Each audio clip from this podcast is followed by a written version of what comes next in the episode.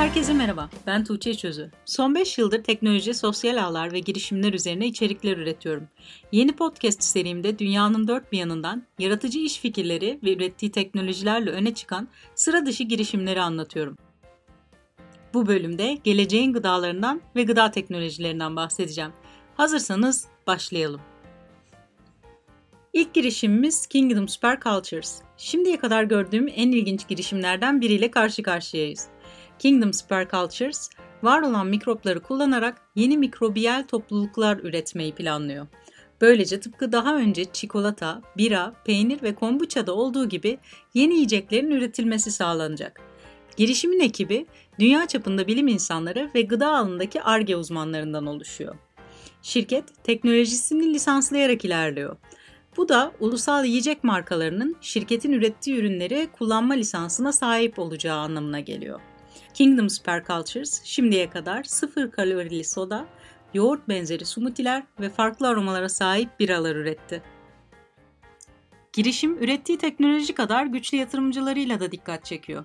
Kingdom Supercultures'ta tohum yatırım yapan şirketler arasında Y Combinator, Sequoia Capital ve Lakehouse Ventures'ta yer alıyor.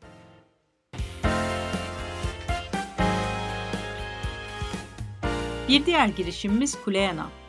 Kuleana, Hawaii dilinde sorumluluk sahibi olan kişi ile sorumluluk duyulan şeyin birbiriyle ilişkisi anlamına geliyor.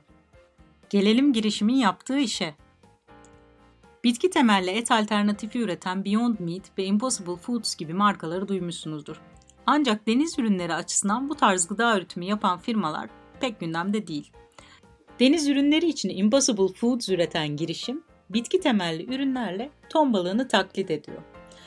Burada durup son yıllarda gündemde olan bitki temelli et ve balık ürünlerinin neden bu kadar öne çıktığından biraz bahsedelim. 2050'de yaşanması öngörülen gıda krizi elbette ki bunun en büyük nedenlerinden biri. Bir diğer neden ise pandemi.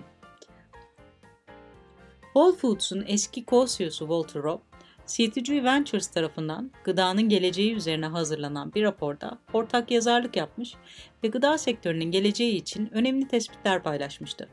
Rob'a göre pandemi, gıda sektöründeki çatlakların daha hızlı ortaya çıkmasına neden olurken, perakendicilerin sistemsel değişiklikler yapması gerektiğini gösteriyor. İşte Kuleyana'nın da bu değişikliklerden biri olduğunu söyleyebiliriz. Kaliforniya merkezli girişimin kurucuları Jacek Prus, Ron Shigeta ve Sonya Hurtado. Girişim Y Combinator ve Satın Kapital'den toplamda 179 bin dolar yatırım aldı.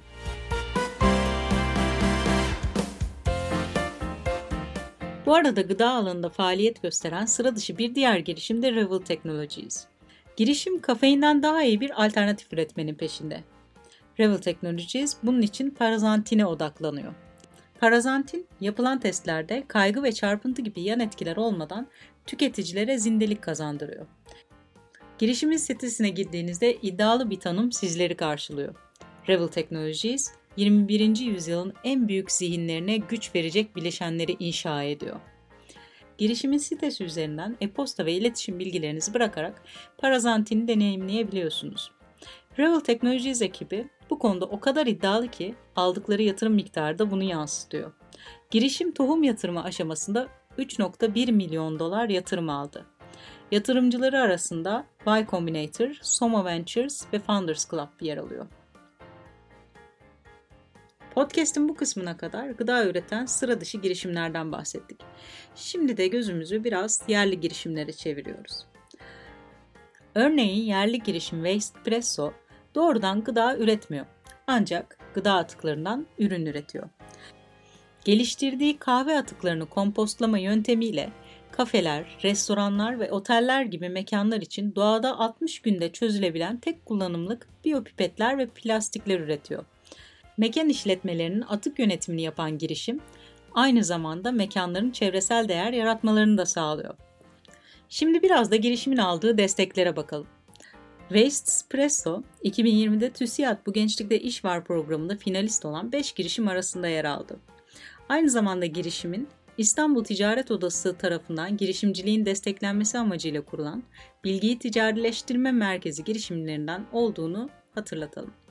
Son olarak Girişimin 2020'de Erciyes Holding'den 12 milyon 500 bin TL değerlemeyle yatırım aldığını da ekleyelim.